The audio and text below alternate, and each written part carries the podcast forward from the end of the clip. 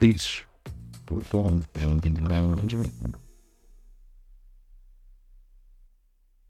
Je lepo zdrav v novem podkastu. Um, Tale bo namenjen umetni inteligenci, oziroma če GPT-ju prvo obletnico pravzaprav praznujemo, odkar je podjetje OpenAI izdalo tisto svojo prvo, bomo rekli, testno različico uh, chatbota. Uh, kaj se je v tem času zgodilo?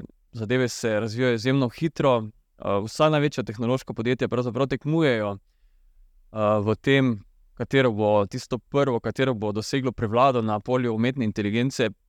Pri tem pa so tudi v Evropski uniji predstavili prvi preizkus ali pa poizkus omejevanja umetne inteligence z novim aktom o umetni inteligenci.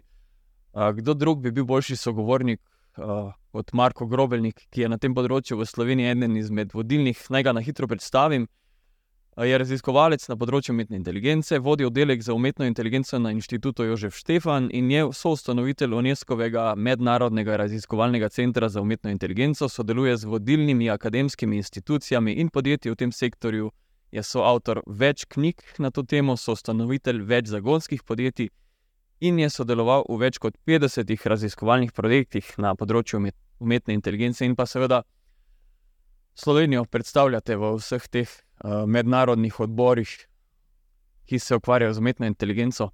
Pa zelo težko vas je dobiti v bistvu uh, na en intervju, tudi če je eno uro dolg. Uh, torej, začnemo pri zadnjih uh, dogodkih. V petek je Evropski parlament stavil akt o umetni inteligenci. Poskus, kot sem rekel, omejevanja umetne inteligence ali pa nekako ukalupljenja. Kaj to pravzaprav pomeni? Ja, uh,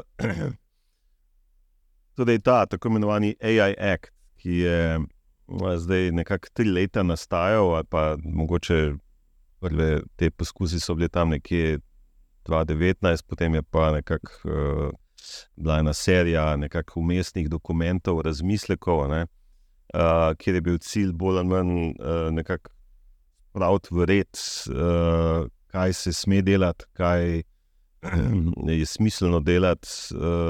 Ki so nevarnosti, kaj je prepovedan, kaj je rabi certifikacijo, in tako naprej. Skratka, celo, cel ta razmislek, ne, uh, ta okvir uh, umetne inteligence, uh, ki je nekako nastajal, sem rekel, tri leta, No, pred enim letom, tam nekje novembra, je izgledalo, no, da je vse že razmišljeno, že vse zrelo.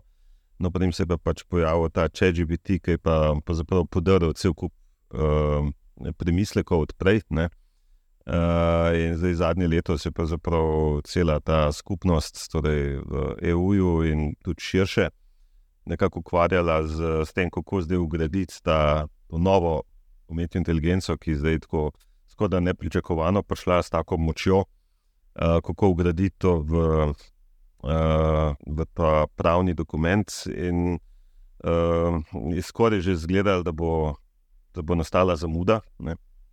Uh, in da se ne bojo uspeli dogovoriti, no, ampak kljub vsemu je bil tak pritisk, uh, da, da so se uspeli uh, po nekih, zdaj prejšnji teden, po enih treh debelih uh, dnevih ne, uh, debat in takih dolgih nočnih. Ne, v petek, mislim, da je okrog polnoči, uh, da je nastal, uh, nastal ta dokument. 31 ur. Uh, tako, ja, nekaj tasga so rekli. Ja, uh, uh, no, je zdaj nekako uh, en tak konsens, en tak dogovor med. Uh, Torej, Evropskim parlamentom, Evropsko komisijo in svetom, uh, um, Eh, tudi Evropskim svetom, ja. Ja, predsedo, eh, to, ki predseduje, eh, da so prišli do enega takega konsenza, kjer so zgleda vsi nekako zadovoljni. No, sej, na koncu je šlo za malenkosti, ki so bile pa recimo pomembne. Da, zdaj, Evropa zdaj je prva z enim takim obsežnim pravnim dokumentom, ki nekako skuša regulirati umetno inteligenco, ni čist prva, ne, ker je 15. augusta je Kitajska dala že svojega ven, ki je pa predvsem bolj omejen, tudi zelo praktično narejen. Um, no, Evropa je pa zelo celovito to nekako zagrabila in jaz mislim, da je dobro, da se je to zgodilo. Če se ne bi zdaj zgodil, bi prišlo verjetno do zamude, bi španskega predsedovanja šlo v belgijsko predsedovanje, bi novi ljudje prišli, potem bi bile evropske volitve in bi nadaljevanje debate praktično bilo lahko šele zgodaj leta 2025, ko bi se konsolidirala ta nova komisija pa parlament. Mm -hmm. Tako da je v redu, da, da se je to zgodilo zdaj. Uh, uh, nikakor pa ni ta stvar dokončna, zato ker se umetna inteligenca se tako hitro razvija, da uh, s, čez eno leto bi se pogovarjali že o drugi, drugem tipu umetne inteligence, se bomo verjetno pogovarjali. No, to je ravno moje vprašanje. Ne? Kako nekaj, kar se tako hitro razvija, pa po drugi strani niti ne veš, kako deluje. V globokem pomenu besede, pravzaprav vsi še vedno priznavajo, da ne vejo, kako prihaja do teh rezultatov. Poleg tega, da, um, kot ste dali, se tako uh, hitro spremenja, vedno nove in nove tehnologije se pojavljajo, tudi nove um, arhitekture. Uh, kaj bomo, kaj, kako sploh nekaj takega regulirati, vse se ne da, pravzaprav. Lede, tako, ta pogled v prihodnost je vedno tak. Ne? Torej, nekaj, kar bomo recimo, čez eno leto morda uporabljali, vsi, hmm. ne, se mora že dogajati zdaj. Ne? Ali pa saj razvijati se mora zdaj, da čez eno leto ne bo ne bo stvar uh, ustrezno pripravljena, zrela in tako naprej ne, za uporabo. Tako da uh, že zdaj vidimo nekakšne nastavke za stvari, ki se bodo dogajale čez recimo leto, dve, mm -hmm. uh, uh, kaj bo čez pet let, ne vemo. Ne, še. Uh, čeprav nekakšni okviri so, okviri možnega so nekako dani. Vemo, da nekaterih stvari morda uh, enostavno ne bomo mogli še čez pet let početi, ne, pač pa vidimo, da nekatere stvari bomo pa čez eno leto verjetno z lahkoto delali. Ne. Tako da to, to je, po veliko, en tak uh, okvir. Kako se zdaj tega lotiti? Uh, zdaj sem izrazito uh, prisoten v, recimo, v OECD-u. OECD je nekako kot nekakšen tak globalni think tank, ki uh, potem pomaga vsem, tudi EU-ju in ostalim. Uh, z idejami, realizacijo ali pa predlogi, predvsem predlogi, pa priporočili. Ne. Um, in tam smo skušali biti že nekaj let nazaj, uh, kot rečemo, future proof. Ne. To pomeni, nekak, da definiramo stvari tako, da bodo tudi veljale za prihodnost. No, in, uh, smo še kar dobro delo upravili leta 2019, ampak uh, zdaj je bilo pa kljub vsemu treba, recimo, že uh, definicijo umetne inteligence je bilo treba Eh, spremeniti. Sicer samo tri besede, ne, za katere smo sicer porabili eh, devet mesecev, ne, da smo se sporozumeli o teh treh eh, zadevah, ki smo jih spremenili. Uh, ampak je, zdaj smo spet skušali narediti tako, da bo future proof ne, in da bo uh, držal nekaj časa, ampak uh, je že par dvomov, ne, da kakšne stvari lahko ven zaštrlijo, pa bo treba je tukaj popraviti, recimo, čez kakšno leto. Mm, razumem. Zdaj, mogoče lahko par um, značilnosti tega zakona, kako se bo to nas dotikalo uporabnikov. Ja, torej, osnovna ideja tega uh, AI akta, te, te regulative za umetno inteligenco, je, da nekak, uh, je človek, pa človekove pravice, da so nekako ščitene. Ne? To je, je nekako osnovna ideja. Ne? Hkrati pa seveda na drugi strani, uh, uh, torej, ne lažje bi bilo tako, da so človekove zašči pravice zaščitene, bi pa kar prepovedali vse skupaj. Seveda to ne gre. Ne? Torej, na drugi strani treba uravnotežiti uh, uh, uh, torej, ta inovativni proces, torej, da se proces inovacij in razvoja ne ustavlja zaradi tega, saj ne pretirano. Ne? Da se ga samo omeji v tistih delih, kjer, kjer lahko pride do kakšnih. Uh, neželenih posledic.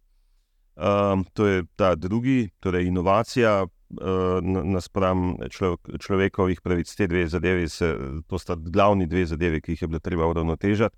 Seveda, potem je pa še iz tretje strani prihaja uh, gospodarstvo, ekonomija, podjetja, uh, uh, lobiji, ki pa seveda porivajo zadeve še v, v neko drugo smer, kjer uh, vidijo svoje interese. No, in zdaj nekako te tri strani bilo treba nekako uh, uskladiti. Ne.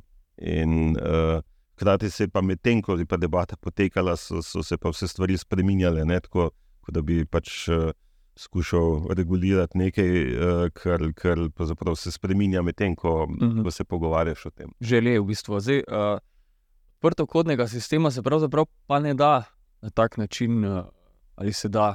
Uh, ja, regulirati. enkrat, ko, je odprt, uh, ko, ko so odprtokodne zadeve uh, na planem, ne, uh, ko se jih nekdo lokalno skupira, takrat, takrat je uh, duh popolnoma uide iz steklenice in takrat ni nobene kontrole več. Ne. Uh, lahko je sicer neka regulativa na vrhu tega, ampak je seveda bistveno, bistveno teže uh, kontrolirati. No, del tega je seveda že bilo dano, predvsem uh, ven, ne, torej od, od Meta, ne, podjetja Meta, ta tako imenovan Lama, Lama 1, pa Lama 2, no, ki velja zdaj za ne, najmočnejši uh, odprtokorni sistem. Te, Mistral. Ja, Mistral je zdaj v zadnjem tednu prišel ven. Ja. Uh, no, ampak mislim, da je ta Lama 2 še vedno nekako Zmogljiv. uh, veliko bolj zmogljiva. Ja, to, to je nekaj, kar lahko vsak skopira in uporablja, in nihče ne ve. Edina torej, možnost nadzirati tega je uh, nadzirati vsebin, uh, ki jih ustvarja umetna inteligenca z drugo umetno inteligenco, ki bo to prepoznavala. Drugače, verjetno ni Torej, ja, zagotovo možnosti. uh, urodja določene kompleksnosti lahko kontroliramo so, samo z urodji, ki imajo nekako isto moč na drugi strani. Ne, ne moremo se proti, vem, proti tanku boriti s krpeljcem. ne. Mhm. Um, eh, tako da le ročno delo odpade. ne. Um, zdaj, uh, re, treba pa, recimo, ima pa seveda ta regulativa še, še, eno, še en vzvod, ne, ga, na katerega se je pa seveda ta Evropski AI Act usedel, pa, uh, torej, da se dovoli ali ne dovoli, ali do, dovoli pod nekimi pogoji uh, uporaba teh sistemov na določenih sektorjih, torej vem, zdravstvo, zaposlovanje, uh, cel kup drugih uh, aplikacij je tam. Uh, torej, torej, regulativa, ta evropska regulativa izraz, ne regulira toliko tehnologije same, ne, kot uporabo te tehnologije v določenih uh, uh, aplikacijah. Ne. Koliko se sama regulativa dotika uh, snovalcev, uh, ustanoviteljev teh podjetij ali pa samih podjetij, uh, foundational models, kot smo rekli. ne. Uh, tu je bilo veliko debate v zadnjih tednih, smo lahko brali tudi o tem. Ja, regulativa se vsekakor. Uh, Ker, na- namreč, zakaj sem to vprašal? Um, profesor iz fakultete za računalništvo in informatiko, je rekel, uh, ki se ukvarja tem, na tem področju, je rekel, da njegov, po njegovem mnenju je treba ne samih modelov, pa tehnologije omejevati, oziroma regulirati ali nadzirati, ampak predvsem Sema Altmana, uh, Marka Zuckerberga in podobno. ne. Ja, torej, to mislim, da, da to je najbolj zdrav, zdrav možen pogled, ne, je, da, da, da se pusti tehnologiji, da se nekako uh, razvija, zato ker uh, mi lahko omejimo tukaj samo vem, razvoj tehnologije v Evropi ali pa vem, američani pa vse, ampak eh, svet je večji kot samo mi. Ne. Tle so še Kitajci, Japonci in še drugi bojo prišli. Ne. Uh, Arabci ne, silno investirajo v to. Uh, in uh, torej, tehnologije same je skoraj težko, zelo težko, Mhm. ali pa skoraj ne mogoče omejiti. Pač pa tam, kjer pa tehnologija pride potem v stik s človekom, no, tam pa imamo nek vpliv še. Ne. Torej, se bomo pustili, ne vem, zdravca ali pa uh, ja, spovedovati ali karkoli že uh, s strani računalnika, ali bomo tle, ne vem, recimo omejili te stvari. Ne, recimo, ne. Uh, kakšna je še nevarnost? Uh, v mojih očeh je tale. Ne? V zadnjih 12 mesecih smo videli, kaj se dogaja na, na tem področju teh največjih uh, gigantov, tehnoloških. Uh, tekma, uh, ker tekmujejo, oziroma ker uh, želijo prevlado na področju umetne inteligence, je skrajno nehvaležna. Namreč izdajajo neke uh, polizdelke, pravzaprav uh, v tej uh, naglici, da bi stavili svojega, nepopolni izdelek pride na trg. Um, ne govorim samo o halucinacijah.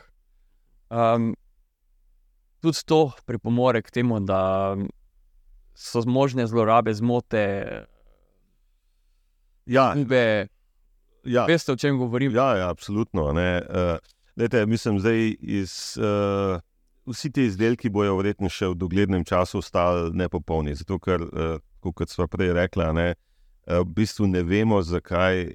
Uh, tudi avtori ne vejo, ne, ne, vejo, ne vemo, torej kot skupnost, znanstvena skupnost, pa tudi avtori, ki so pač te stvari naredili, enostavno ne vemo, zakaj ta stvar tako dobro dela. Ne, kje ta pamet nekje nastane v tistem silnem uh, uh, uh, omrežju teh uh, uh, parametrov, ne, uh, ki mu rečemo model. Ne, uh, Torej, in ravno zato, ker ne vemo, kako to uh, nastaja, seveda, ostajajo točke, ki so, uh, oziroma nepopolnost teh izdelkov. Ja, mislim, torej, če GPT, recimo, ki je verjetno večina uh, poslušalcev ali pa uh, uh, že vsaj poskusila malo, ne, torej, zna delati stvari, ki, o katerih smo sanjali pred enim letom. Recimo.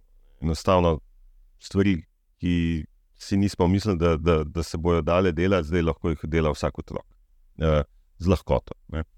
Uh, torej, zagotovo ima torej neke silno, veliko število nekih, nekih rezultatov, ki so nevrjetni. Ne. Na drugi strani pa seveda, ja, omenili ste te halucinacije. Uh, halucinacija je pravzaprav ponovadi se v besedo zdaj uporablja. Uh, Ker ti sistemi stalno, nič drugega ne delajo, kot halucinirajo. Gre samo za to, da ene halucinacije so, uh, se mi strinjamo z njimi, mm. uh, z enimi se pa ne. No? In ponovadi rečemo tako v negativnem smislu, halucinacija je tisto, s čimer se ne strinjamo. Ne?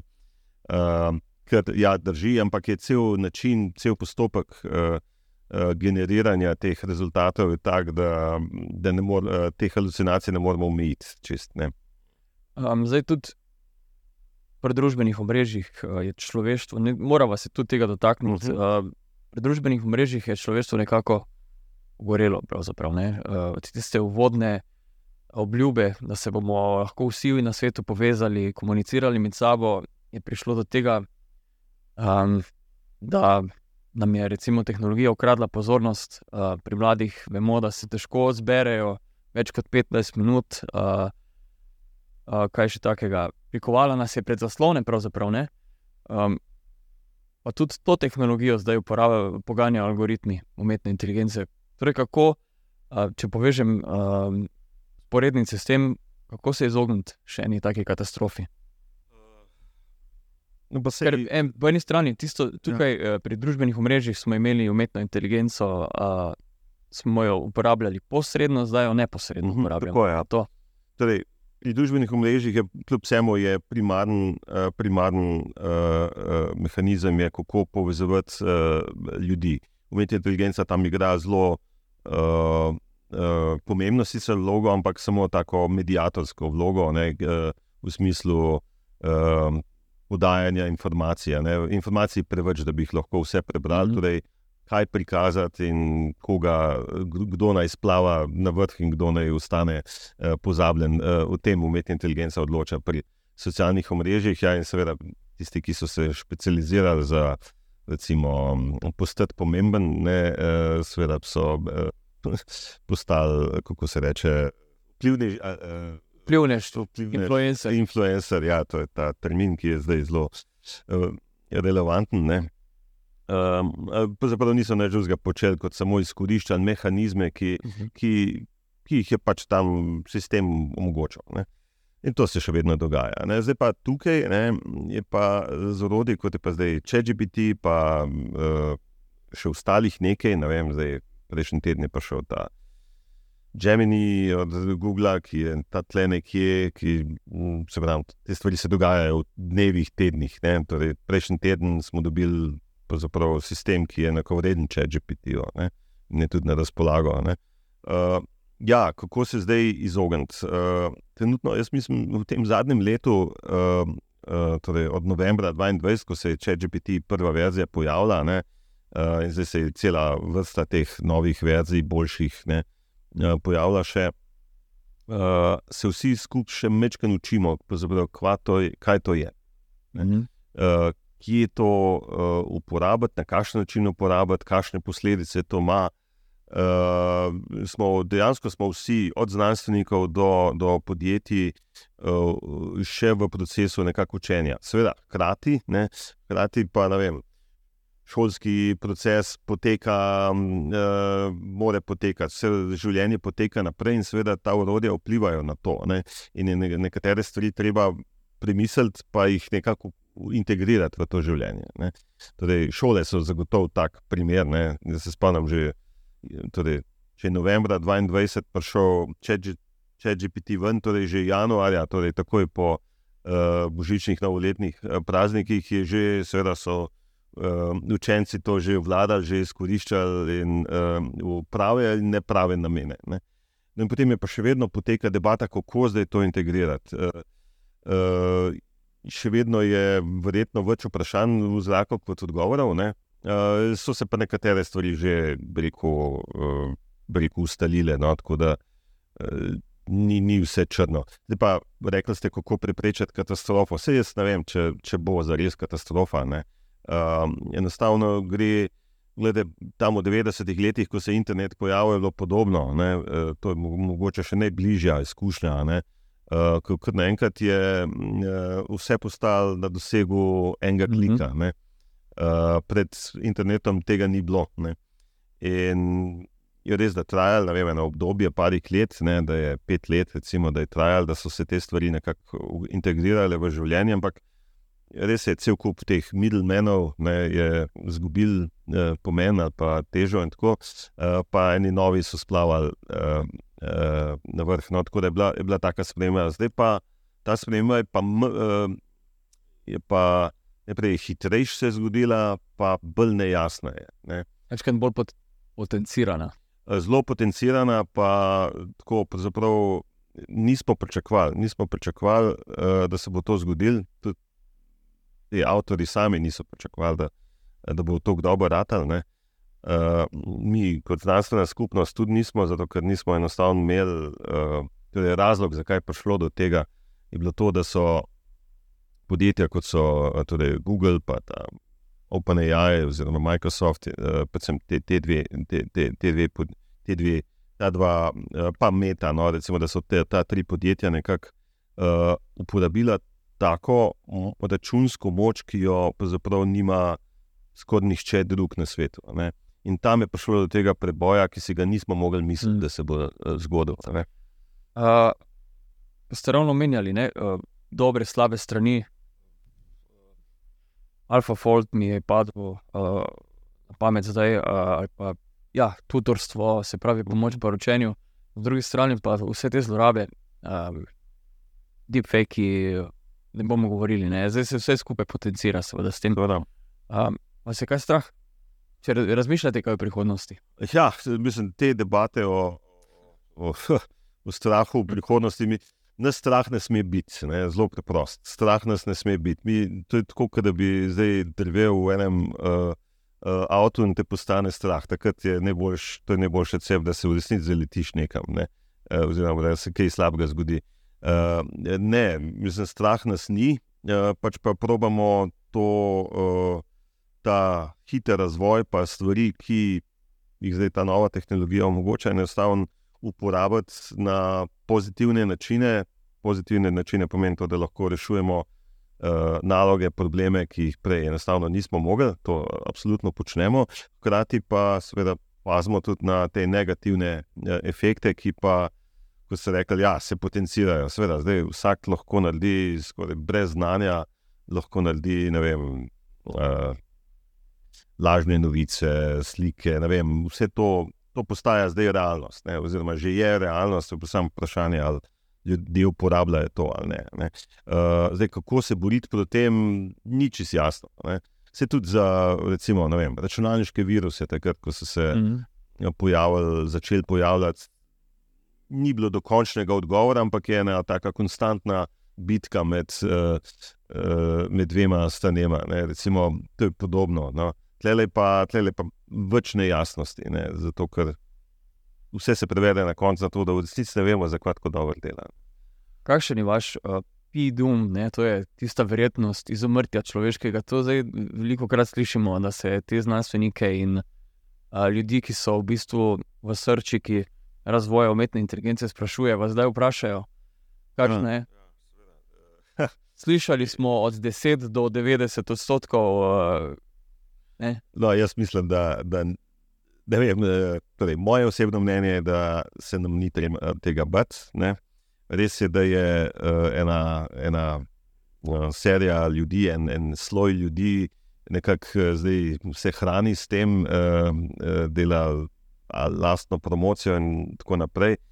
Uh, tako da, zdaj pa, če tako realno pogledamo, ne, mislim, ja, so, to so zelo močna orod, or, orodja, ne, namreč orožja, ki niso orožja, čist, čeprav se jih lahko tudi uporabimo kot orožje. ne. Uh, jaz mislim, človeštvo je še zmeraj tako pametno, uh, uh, pa toliko uh, preko uh, odporno na, tudi na take sunke, da za, zaradi nekih če-GBT-ov ali pa bodočega razvoja, enostavno, po mojem, ne bo prišlo do, uh, do izumrtja človeš, človeštva. Ne. So, druge stvari, mislim, da so veliko bolj uh, nevarne. Uh, uh, zdaj pa. Uh, to pa ne pomeni, da ni nevarnosti. Ne? Uh, nevarnosti so zagotovo v tem družbenem smislu. ne, Torej, recimo, trg delovne sile, verjetno, trenutno še ni prišlo do tega, trg, trg delovne sile se bo verjetno začel zaradi teh orodij spremenjati, po malem, že zdaj se po malem spremenja, to, to vidimo. ne. Uh, zdaj pa tisto, kar pa dela nevarnost, ne, zato, je, zato je tako zelo nejasen odgovor. Ne, uh, z zelo malimi potezami, pa z zelo malo investicijo, lahko zelo velik efekt po- povzročimo s temi Mhm. orodji. Mislim, kot atomska bomba je tudi samo ena bomba, pa naredi strahovit efekt. Ne? In seveda takih orodij se mi bojimo, ne? kot človeštvo, zato ker so uh, nepredvidljiva postanejo. No, in zdaj, uh, umetna inteligenca, pa te novi sistemi imajo nekaj tega v sebi, da zapravo, uh, tako kot sem prej že rekel, da pravzaprav se en otrok nič hudega sluteč loti in lahko naredi, uh, po domač povedano, štalo. Ne? Uh, zelo hitro. ne. Torej, to pred recimo letom, dvem ni bilo mogoče, ne. danes pa lahko to naredi. ne. Uh, tako da torej, to je tudi, da vem, če rekel, matematična definicija kaosa je natanko to. Ne. Torej, mala sprememba, uh, majhen input, pa velik efekt. ne. No, mi smo tako ja, nekje na robu tega kaosa, ki ga zdaj z enim takim, tako regulativo, kot je ta AI Act, probamo nekako ustavljati, regulirati, vsaj do neke mere uh, spraviti v red, zato da, da ne da bomo 100% na tračnicah, ampak da bomo približno na enih tračnicah naprej šli. Ne. Zdaj, tehnologija, vse kot smo rekli, zelo hitro napre- napreduje. Um, ne vem, kakšen je slovenski izraz ali pa slovenski prevod deepfake tehnologija. Ne? Um, Se pravi, video posnetkov uh, Mhm. pristnih, uh, pravih ljudi, uh, oseb, ki nekaj govorijo, nekaj predstavljajo, pa v resnici ne obstajajo. To je, od začetka so to, bile, so to bili projekti, poskusi. Um, z več ljudmi, več znanja si moramo imeti. Mm. Zdaj, počasi prihajamo do tega, da to lahko dejansko, kot ste dejali, nek otrok na svojem računalniku doma proizvede, uh, pošlje na družbena omrežja. Uh, zakaj pa sprašujem to? AI Act ne bo, mislim, da prej začel veljati. Uh, eno leto je do uvedbe? Torej, um, eh, trije nivoji so, ne, Ja. ja. prepovedi bodo začele veljati čez šest mesecev. No, Ja. Uh, potem uh, nekaj več bo začelo veljati čez 12 mesecev, potem pa mislim, da dokončno uh, cel, celotna zadeva ne bi pa v nekih dveh letih začela. torej, vsebine nekako bodo morali biti označene, watermark. Ne, uh, ampak to dejansko ne bomo mogli doseči povsod. a ne. Zdaj, nek uh, X, oziroma prejšnji Twitter, uh, verjetno se kak Elon Musk s tem, ki se bori zdaj sploh ohraniti to platformo pri življenju, ne bo strinjal z nekimi regulativami in regulacijami. In za nekdo, ki bo na X-u spremljal uh, svoje, svojega najljubšega uh, vem, ustvarjalca, magar politika, pa bo ta politik rekel nekaj, Ja, torej, redu. ti mehanizmi, gledajte, vse podobno je pri medijih. ne. Torej, takrat, ko hočemo res nekaj izvedeti, gremo prebrati uh, uh, tiste stvari v medije, ki jim recimo zaupamo. Pa sej, ne vem, jaz grem, ne vem, če to so neke svetovne novice ali pa takega, grem, ne vem, New York Times. Tam vse se tudi kdaj tam morda zmotijo, ampak je zelo mala verjetnost. Ne.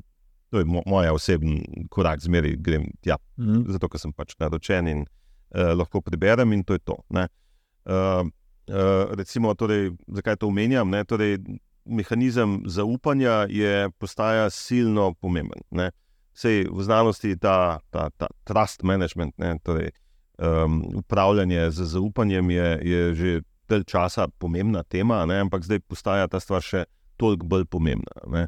Um, pa precej širši, širši obseg ima ta zaupanje. Torej, odkje prihajajo informacije, eh, kam grejo, eh, oziroma kako se širijo, sploh razumeti te, eh, ta ekosistem zaupanja. Ne?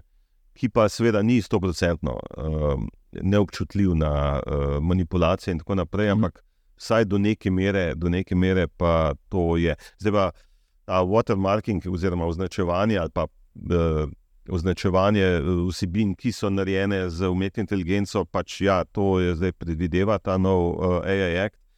Torej, ta AI Act cel kup stvari predvideva, ki za katere ni čisto jasno, kako, kako se jih bo uh, izvajalo kasneje. Uh, verjetno je računica taka, da se bo bodi si vmes kaj že razvil, tazga, da bo uh, to kasneje mogoče, drugo pa, da bo enostavno pod nekim uh, grožnjo neke kazni uh, za une, ki bojo zlorabili. Uh, uh, se kazni so pa hude.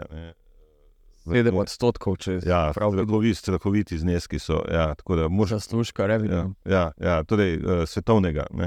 Torej, tok, da še ne večja podjetja bi to udarili. Tako da so zelo velike kazni. Torej, to je pa drug mehanizem, ki ga človeštvo ima. Zdaj pa.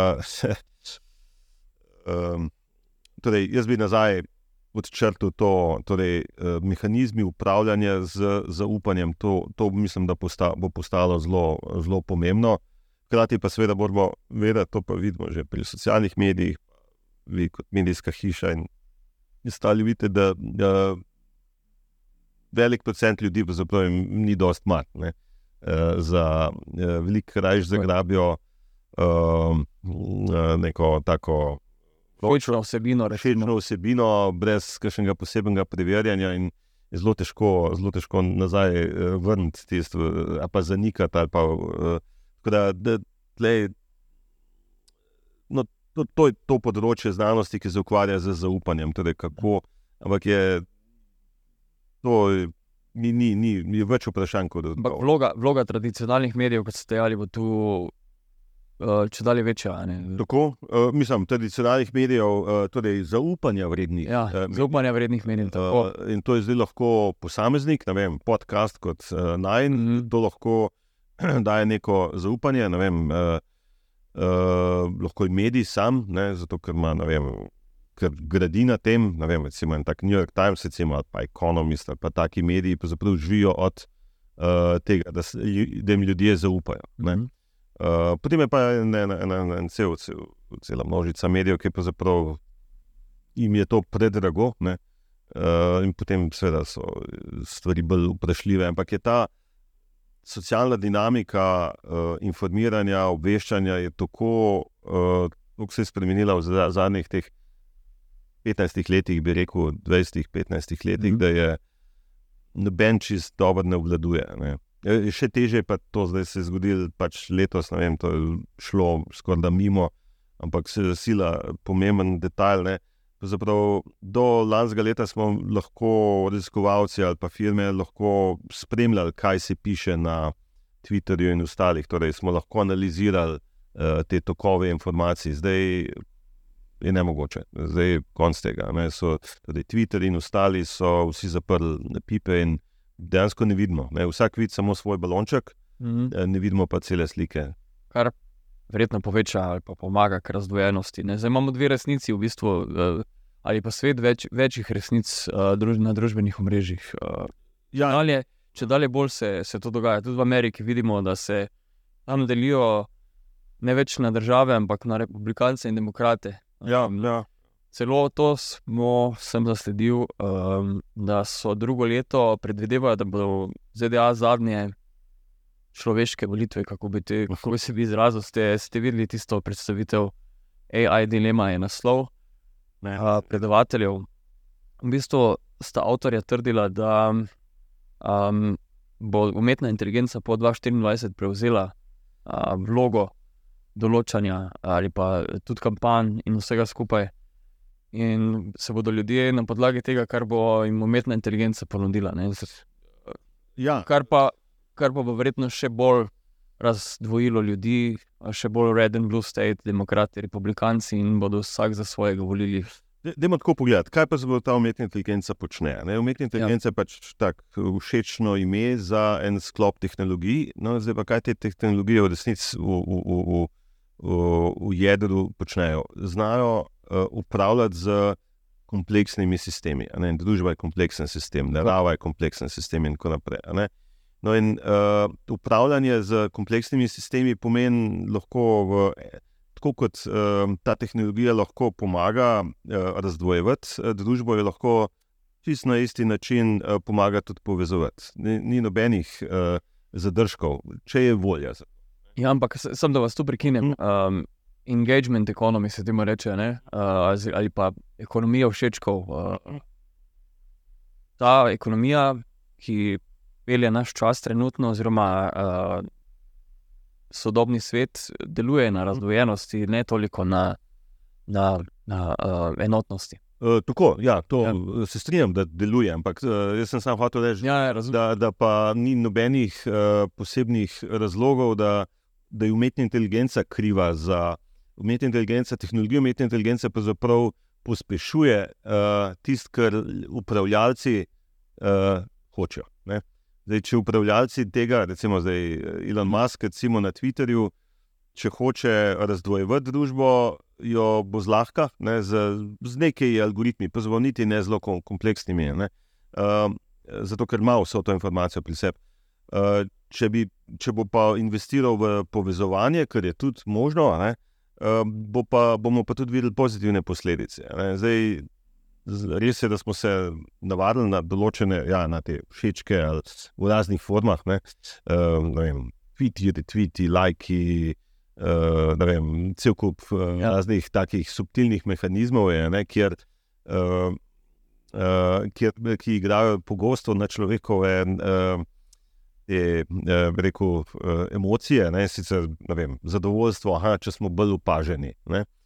Uh, no, recimo, če bi se uh, kot ljudje uh, odpovedali temu, da smo uh, teh uh, ego, uh, ego Centrizem. eh, egocentrizma, eh, potem bi eh, kar naenkrat te mehanizmi kar začeli odpovedovati sami od sebe. ne. Zveda, to neč ne zgleda, da se bo to dogajalo, ne, ampak v, v doglednem času. Ampak hočemo reči, da to je samo nekaj vzvodov uh, v zadju, v zadju ki, m, ki kontrolira. ne. Glede, da, da, dobro je si rekel za umetno inteligenco, da je to tehnologija, ki upravlja z kompleksnostjo. Poglejte, recimo en danes kupite en avto, ne, sila kompleksen sistem. Ne. Sila kompleksen sistem z vsem, da mora delati in tako naprej, in se, da se mi na koncu peljemo. Kljub vsemu ta sila kompleksen sistem obvladujemo z, torej, z volanom za levo, desno, pa pospeševanjem in eh, zavoro. Torej, zares v dveh dimenzijah ga obvladujemo. S, s, tremi, s tremi vzvodi obvladujemo ta sila kompleksen sistem. Zelo podobno je z družbo ali pa z drugimi stvarmi. Na vzven zgleda sila kompleksen sistem, v resnici imamo pa samo nekaj vzvodov, ki za, eh, pravzaprav upravlja tisto zadevo. Dobra primerjava. Dobra. Uh, gremo malo še tej vsakodnevni tehnologiji. Kdaj ste na zadnje googlali? Um, No, sponoč. a ste? Ja. Ja. Oziroma, koliko v primerjavi z letom prej uporabljate Google? Uh, namreč, če dalje več opažam, da ljudje uporabljajo kakšne druge iskalnike ali pa na drug način iščejo informacije. Uh, ja, ja, gotovo. ne. Uh, torej, uh, mislim, ta klasičen iskalnik, uh, torej Google, ne, uh, ali pa Bing, no, se, tretjega pa že skoraj. Uh, ja, Ja. ja. Tako rekoč ni. Ne. Uh, mislim, so, ampak so neopaženi. Ne. Uh, uh, ja, no, jaz za, za to pri, bi rekel tako 95%, toliko kot sem prej delal, tudi zdaj. Ne. Res je pa, da obstaja pa en uh, dober procent, recimo 5% stvari, ki jih pa vprašam vem, na uh, ChatGPT-ju ali pa na. Uh, No, zdaj, zdaj se je še ta uh, novi Bart od Google pojavil. Torej, zdaj praktično imamo mi ChatGPT noter v Google že ne, od prejšnjega tedna. Ne, in to sila močen. Ne. Torej, Bing kot ta drugi, drugi iskalnik ima tudi uh, če že biti noter ugrajen. Tako da se ta prehod zelo zvezdno dogaja, bolj kot mogoče zgleda. Uh, to ni bilo pol leta nazaj, še, zdaj, pa, zdaj pa je to postalo čist standardna zadeva. Še hujš, ne, ker ne vem, zdaj ljudje morda še tega niso, eni so verjetno že opazili, ali pa večina jih pa še nima. Recimo, vsi uporabljamo nekaj tajnega, kot je Office, Microsoft Office. Recimo, uh, ker pišemo tekste, mm. delamo slide, vem, računamo v Excelu, razne stvari in tako naprej. Ne?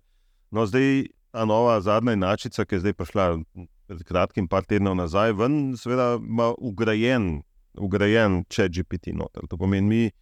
Uh, To mislim, da bo predvsej bolj spremenilo stil življenja. Torej, me, pred mesecem, dvema smo mi morali vem, v ČGVT posebej jeti, ne, da smo tam nekaj naredili in pa smo nadaljevali svoje delo. No, zdaj tega ne bo več treba, ne, zdaj je to že kar tam. Ne.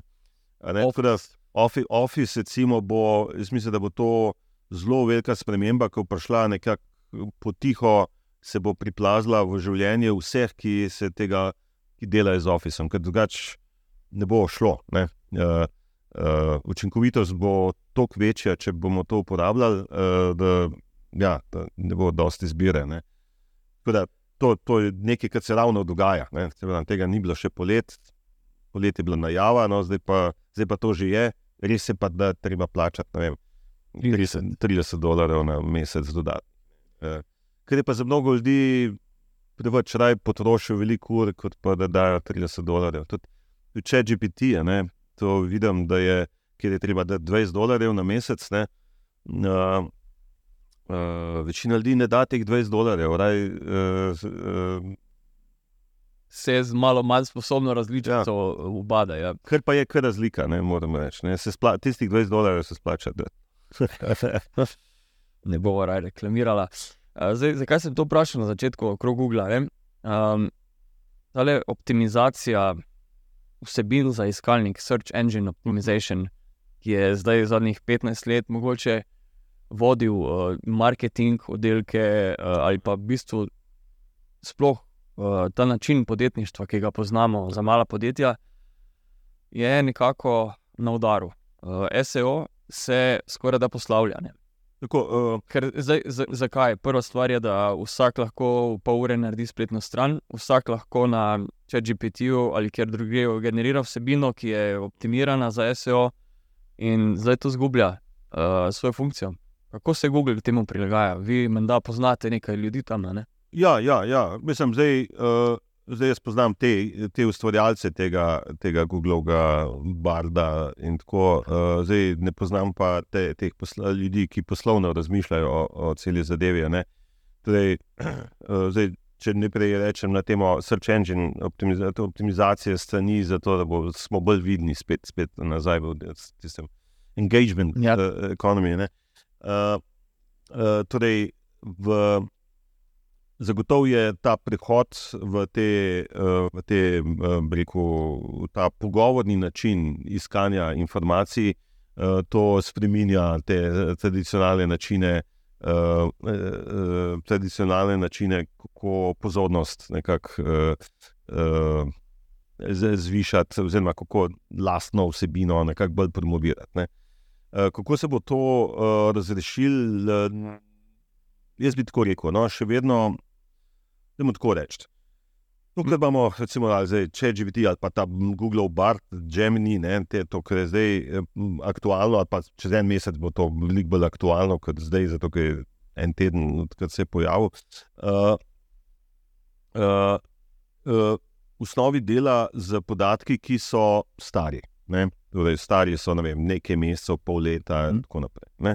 Tako da tam, tam search engine optimization neč ne more delati, ne, ne more kaj dosti vplivati. Pač pa, če hočemo pa se pogovarjati o svežih staneh, v svežih vsebinah, tam je pa še vedno stara, stare mehanizmi um, optimizacije teh spletnih strani, pa še vedno funkcionirajo. Mm -hmm. Kako se bo to zdaj izniveliralo, ni jasno, ampak verjetno bo ena kombinacija. Uh, torej, nekaj tega starih mehanizmov bo verjetno še, še ostalo. Je... Ampak, če vas tu lahko prekinem, Google poslovni model uh, je blizu zgodovine, vsaj, vsaj na ta način. Uh, Zaenkrat nič ne zgleda. Ne? Ne? Nič ne zgleda. se Po mojem- znajo prilagoditi. O, ja, ja, ja. Ne, ne, tam so tako pametni ljudje. Uh, kljub temu, da torej Google ne bo šel nikamor, res da zgleda, da Microsoft malo odžira en del. Uh, ne, ne, ne govorim, da bi se Google poslovil, ampak poslovni model bodo morali. Uh, Reklame bojo še zmeraj laufale. bodo. Reklame bojo absolutno še vedno laufale. Ne? To sploh ni dvoma. Zmeraj, to je še vedno bi rekel, en tak zelo primaren način uh, vlečanja pozornosti. To jaz mislim, da mo, ni nobenega razloga, zakaj bi to šlo stran. Mhm. Uh, samo mogoče se bodo pojavljale na drugačne načine. Ne? Uh, to je. Ne, ne, to, Um, da, Kako pa gledate na to bitko Microsoft versus Google versus Meta? Recimo, da sta tukaj, če Meta izvzamemo, Microsoft in Google uh, na, na, na, v spredju. Um, Google je kar parkrat panično reagiral uh, na vse, kar je Microsoft oziroma OpenAI uh -huh. uh, naredil. Um, pa tudi zdaj so priznali, recimo, ko so Gemini predstavili uh, pompozno s tistim videom, če verjetno ste ga videli, so pol priznali, da je to bilo vse bolj kot ne prirejeno, da tehnologija ne ponuja toliko, kot ta video uh, v resnici prikazuje. ne. ja, tisti, dobro, tisti bil en nesrečen video, ki se mi zdi. Ampak to je teh Ja. nesrečnih uh, Je pa poskusov tudi- je bilo v tem letu zadnjem kar veliko. ne. Ja, ja, zelo zanimivo je. Torej, uh, torej, uh, tudi je zanimivo, zakaj mora obstajati OpenAI, če, če ima Microsoft tako uh, silo. Torej, da, vse se računa na Microsoftovih uh, računalnikih. Podatki so Microsoftovi, večinoma, in Mhm. tako naprej.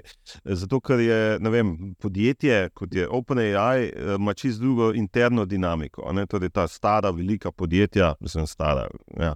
Microsoft, vem, Google in tako naprej, ki imajo ustaljene poslovne procese, veliko težje uh, zgleda, uh, uspejo nekako uh, inovirati na, uh, v, na tak hiter način, kot je možen. Recimo zdaj, recimo zdaj OpenAI je lep primer. Ne, ki ga Microsoft izdatno financira. Ne. Ne vem, na drugi strani imamo ta Anthropic, recimo, ki, ga, ki ga je Google zelo podprl, um, pa Amazon tudi. Ne. Um, uh, zdaj Meta večkrat zaostaja, ne, ampak se bori na svoje načine. Ne. Uh, ravno par dni nazaj so dali ven ta Imagine, ne, uh, generator slik, ne, recimo, mm Mhm. -hmm. ki je po mojem boljši od ostalih, ne, ta moment. To je je bilo, no, in gledaj, petek, kdaj. Ne. Ne znam, Poskusil ga bom. Ja, ja, sej, uh, tri dni ste zadaj, to pomeni, eh, že se je ja, grozen, ne, Je out. out, čist. Uh, uh, uh, torej, uh, Dajmo tako pogledati pod pokrov tem, tem zgodbam. Ne. Pod pokrov pomeni to, kaj so se, sestavine, ne, zato da, da si uspešen. Rabaš imeti veliko podatkov, več je boljš, ne, bolj kvalitetni boljš. Ne. To je prva sestavina. Druga sestavina so rabaš pametne ljudi, torej ekipe, ne, Mhm. ki znajo te stvari delati, pa so motivirane na ustrezen način, ne nujno samo z denarjem, ker denar imajo vsi dost, uh, mora biti res tak uh, izziv. Ne, uh, to zdaj vse ta podjetja imajo, no in potem je še tretja sestavina, ki pa loči uh, njih od preostanka sveta, je pa infrastruktura, torej računska moč. Ne. Vsa ta moderna umetna inteligenca, ki jo imenujemo generativna umetna inteligenca, uh, zahteva strahovito računsko moč. No, in če pogledamo, kdo to strahovito računsko moč ima, ja, vidimo, da je to uh, Microsoft, da je to Google, Meta ima do neke mere. Ne, Uh, in uh, ta rekel, dobavitelj tega je pa v glavnem uh, Nvidia, uh, firma. Ne. In ta ekosistem je pa zelo relativno majhen. ne. Uh, in Nvidia, seveda, je tak, uh, veste, tako kot pri uh, zlati Ne, so, a s- kdo je zdaj bolj bogat, ratov, tisti, ki so, tisti, ki so zlato najdli, ali oni, ki so lopate prodajali. Mhm. Eh, Nvidia pač lopate prodaja, tlele, ne, in v njih kupujajo in probajo priti do, do zlata. Ne, na nek način tako izgleda zdaj cela ta. Uh, uh, uh, potem, seveda, uh, ta slon v prostoru, ne, kot bi se rekel uh, v angleščini, ne, uh, mi tle ne uporabljamo še tega termina, je pa Kitajska, ne, ki imajo pa strahovit torej, potencial, torej, podatki tam niso problem pamet imajo uh, neizmerno, ne?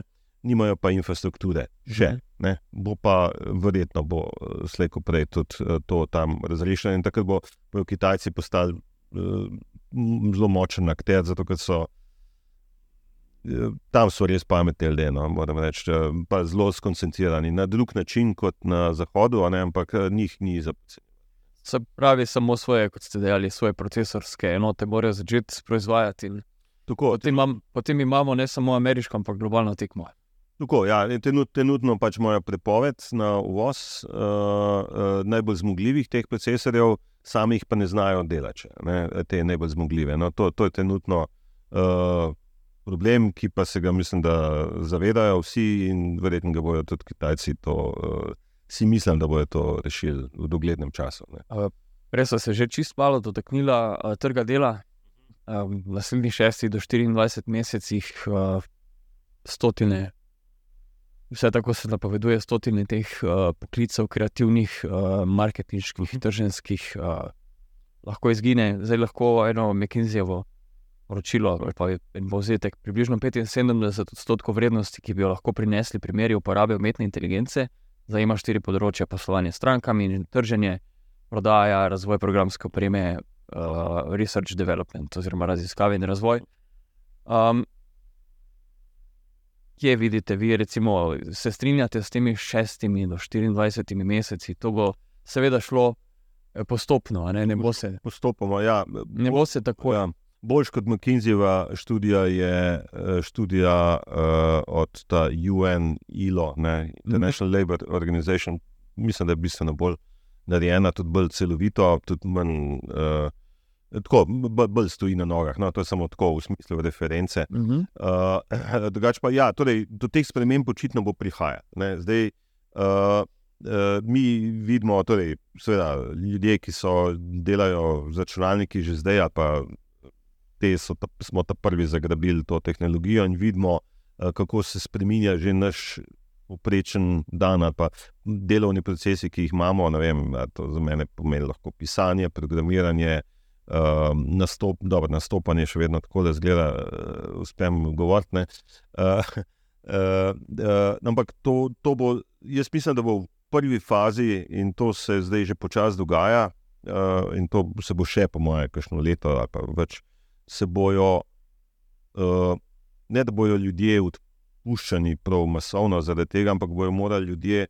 Uh, Uh, premisliti, pa redefinirati način, kako delajo. Ne, to, to, brez tega, mislim, da ne bo. Ker je danes, če ta urodja uh, obvladaš, potem si, uh, zdaj, odvisen za katero posel in tako naprej, ampak si bistveno, bistveno bolj učinkovit. Ne. To, to vidimo in pri programiranju, pri pisanju, pri razumevanju, uh, um, uh, pri razmišljanju, ta, tem out-of-box uh, razmišljanju. Ne.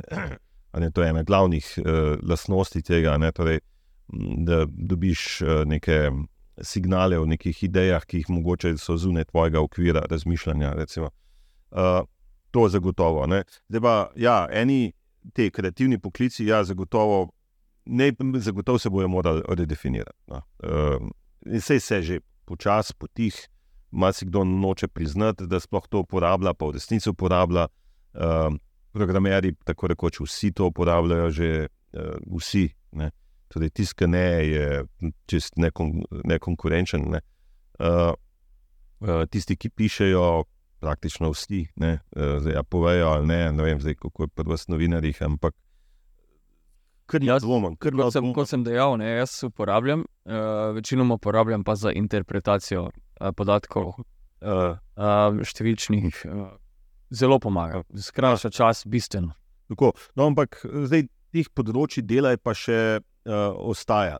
Mm. Tisto, kar uh, ne vem, vsaj v mojem delu, je pa seveda, uh, jaz pa skušam pa vedno ohranjati svoj miselni tok, ne, svoje, uh, svoje misli s pomočjo teh orodij, mogoče lažje pretopim v primeren output. Ne.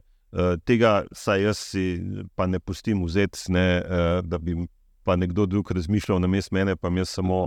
Zapravo en uh, uh, robot v rokah nečesa drugega, in se, da sem jaz zdaj pretvarjal, da, da v resnici je tisto, ne vem, moja misel uh, ne, te, tega pa si nočem, ne pustim vzeti. Ne. Mislim, da, da, da je to v redu tudi v smislu izobraževanja, pa tudi v drugih poklicih.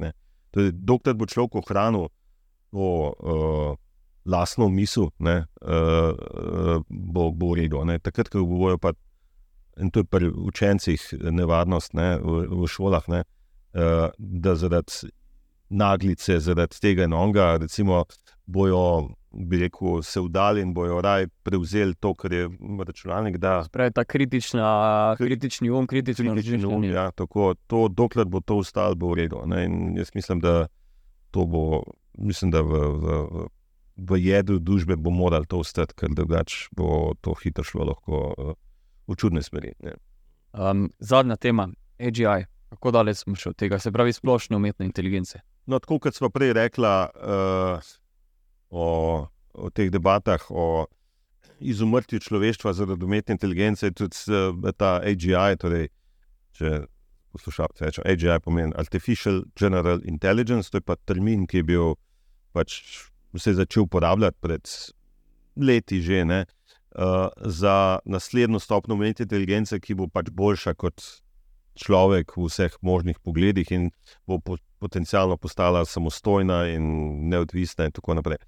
Jaz ne vem, zaenkrat uh, ta stvar ni še na, uh, uh, na obzorju, da bi se to zgodilo. Res je, da mislim, uh, to, kar trenutni sistemi, kot so vem, GPT, vsa ta generativna umetna inteligenca, kar je sproducira, so tako rekoč čudeži napram tem, kaj smo pred enim letom lahko delali. Ampak te čudeži še vedno niso tako veliki, mm. da bi pa zdaj. Eh, se ta stvar lahko usamosvojila. Uh, so realne možnosti, da ti sistemi, uh, enkrat, ko bojo, torej, uh, ko razmišljamo o tem, moramo razmišljati o tem, o stopni avtonomije, ki, ki, ki jo dajemo sistemom.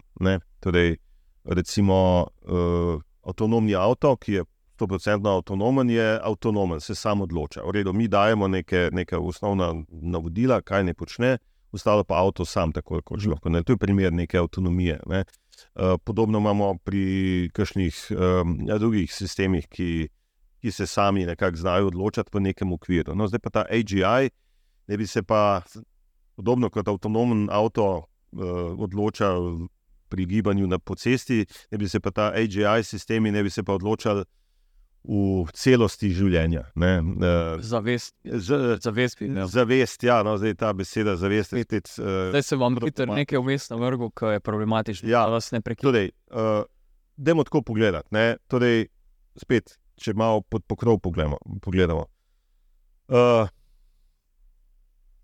to, kar danes lahko cenzuriramo, torej, kar lahko sploh opazujemo. Lahko opazujemo, kaj uh, uh, se vidite, kaj te sistemi znajo, s kakšnimi podatki znajo delati. Znajo delati z uh, besedili, z slikami, s filmi, bo čez kakšno leto uh, in tako naprej, s takimi stvarmi, potem neki senzorski podatki, ki so bolj ali manj tako zelo uh, uh, omejeni. Ne? In to je približen obseg. Uh, obseg informacije, ki jih te sistemi dobivajo. Ne dobivajo dosti več. Torej, človek, človek ima vse še množico drugih senzorjev, pa tudi um, aktuatorjev, torej nekaj, na kar lahko vpliva. Uh, in tle je zdaj še velik razkorak med tem. Ne? Zdaj pa debata o zavesti in vsem tem, kar. Uh, sklepanje, mogoče tudi. Sklepanje, sklepanje je druga stvar. Sklepanje je nekaj, kar bo zelo malo, v bistvu že je, ampak je uh eh, -huh. Mhm. mečken šipko še. Sklepa, sklepanje, to je, to je čist matematična kategorija, ki jo razumemo, vladamo. Samo da te sistemi niso še tako dobri v tem. Do neke mere so, no, ampak uh, to je. Kar se zavesti tiče, Zavest je pa, ja, tudi opredelitev zavesti. Jaz sem šel gledati ne, v kontekstu teh debat, mislim, kako sploh definirajo zavest razni ljudje. Mislim, najprej sploh ni enega, enega uh, uh, ene definicije, kjer bi se strinjalo o zavesti. Vsi govorijo o zavesti, in ben pa čist uh, ne ve, zakaj je. To je moje osebno mnenje. Uh, jaz bi rekel, zavest je nekaj. Uh, zelo značilnega za človeka in je eh, nekaj, kar je presežno. Ne? a Ne? Nekaj, kar uh, tudi sami, tako kot mi ne razumemo, če je GBT, kako dela, tudi mi sami ne vemo ta zavest, kako dobro funkcionira. Ne? To, to je recimo ena taka stvar.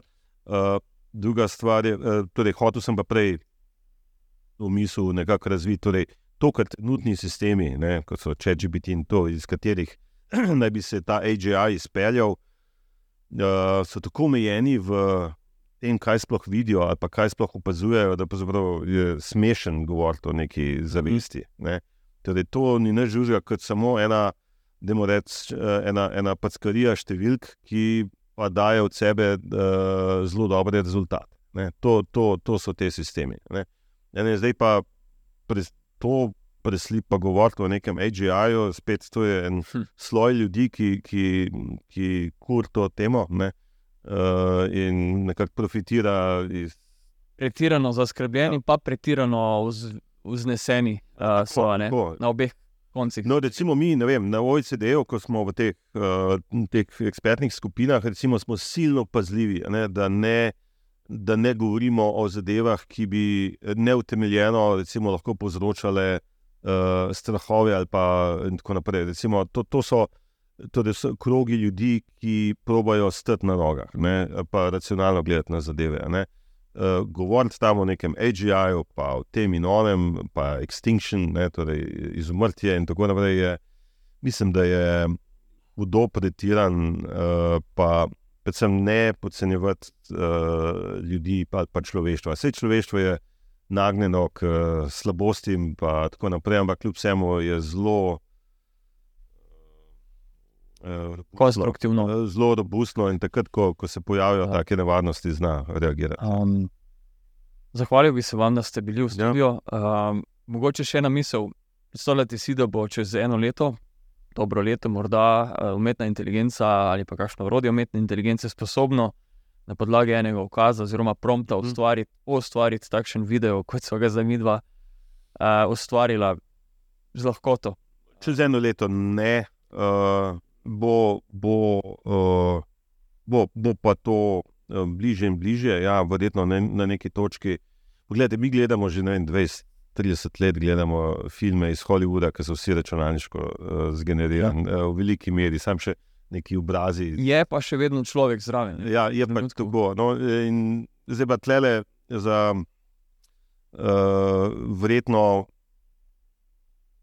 Čez eno leto bo se bo verjetno lihtko še pogovarjali, tako kot zdaj. Ne?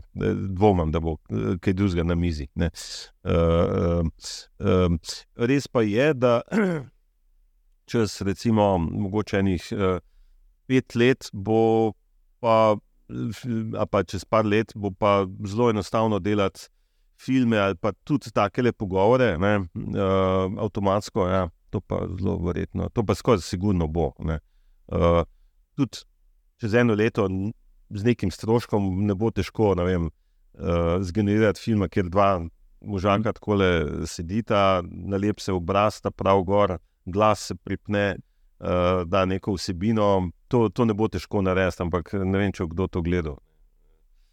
No, in uh, tukaj ne ostane, da se vam zelo lepo zahvaljujem, da ste našli čas, uh, vaša zdaj morniku in da ste se udeležili tega podcasta oziroma popkasta. Vam, uh, spoštovani slušatelji, gledalci, gledalke, pa lep pozdrav. Tu, tu, tu, tu, tu, tu, tu, tu, tu, tu, tu, tu, tu, tu, tu, tu, tu, tu,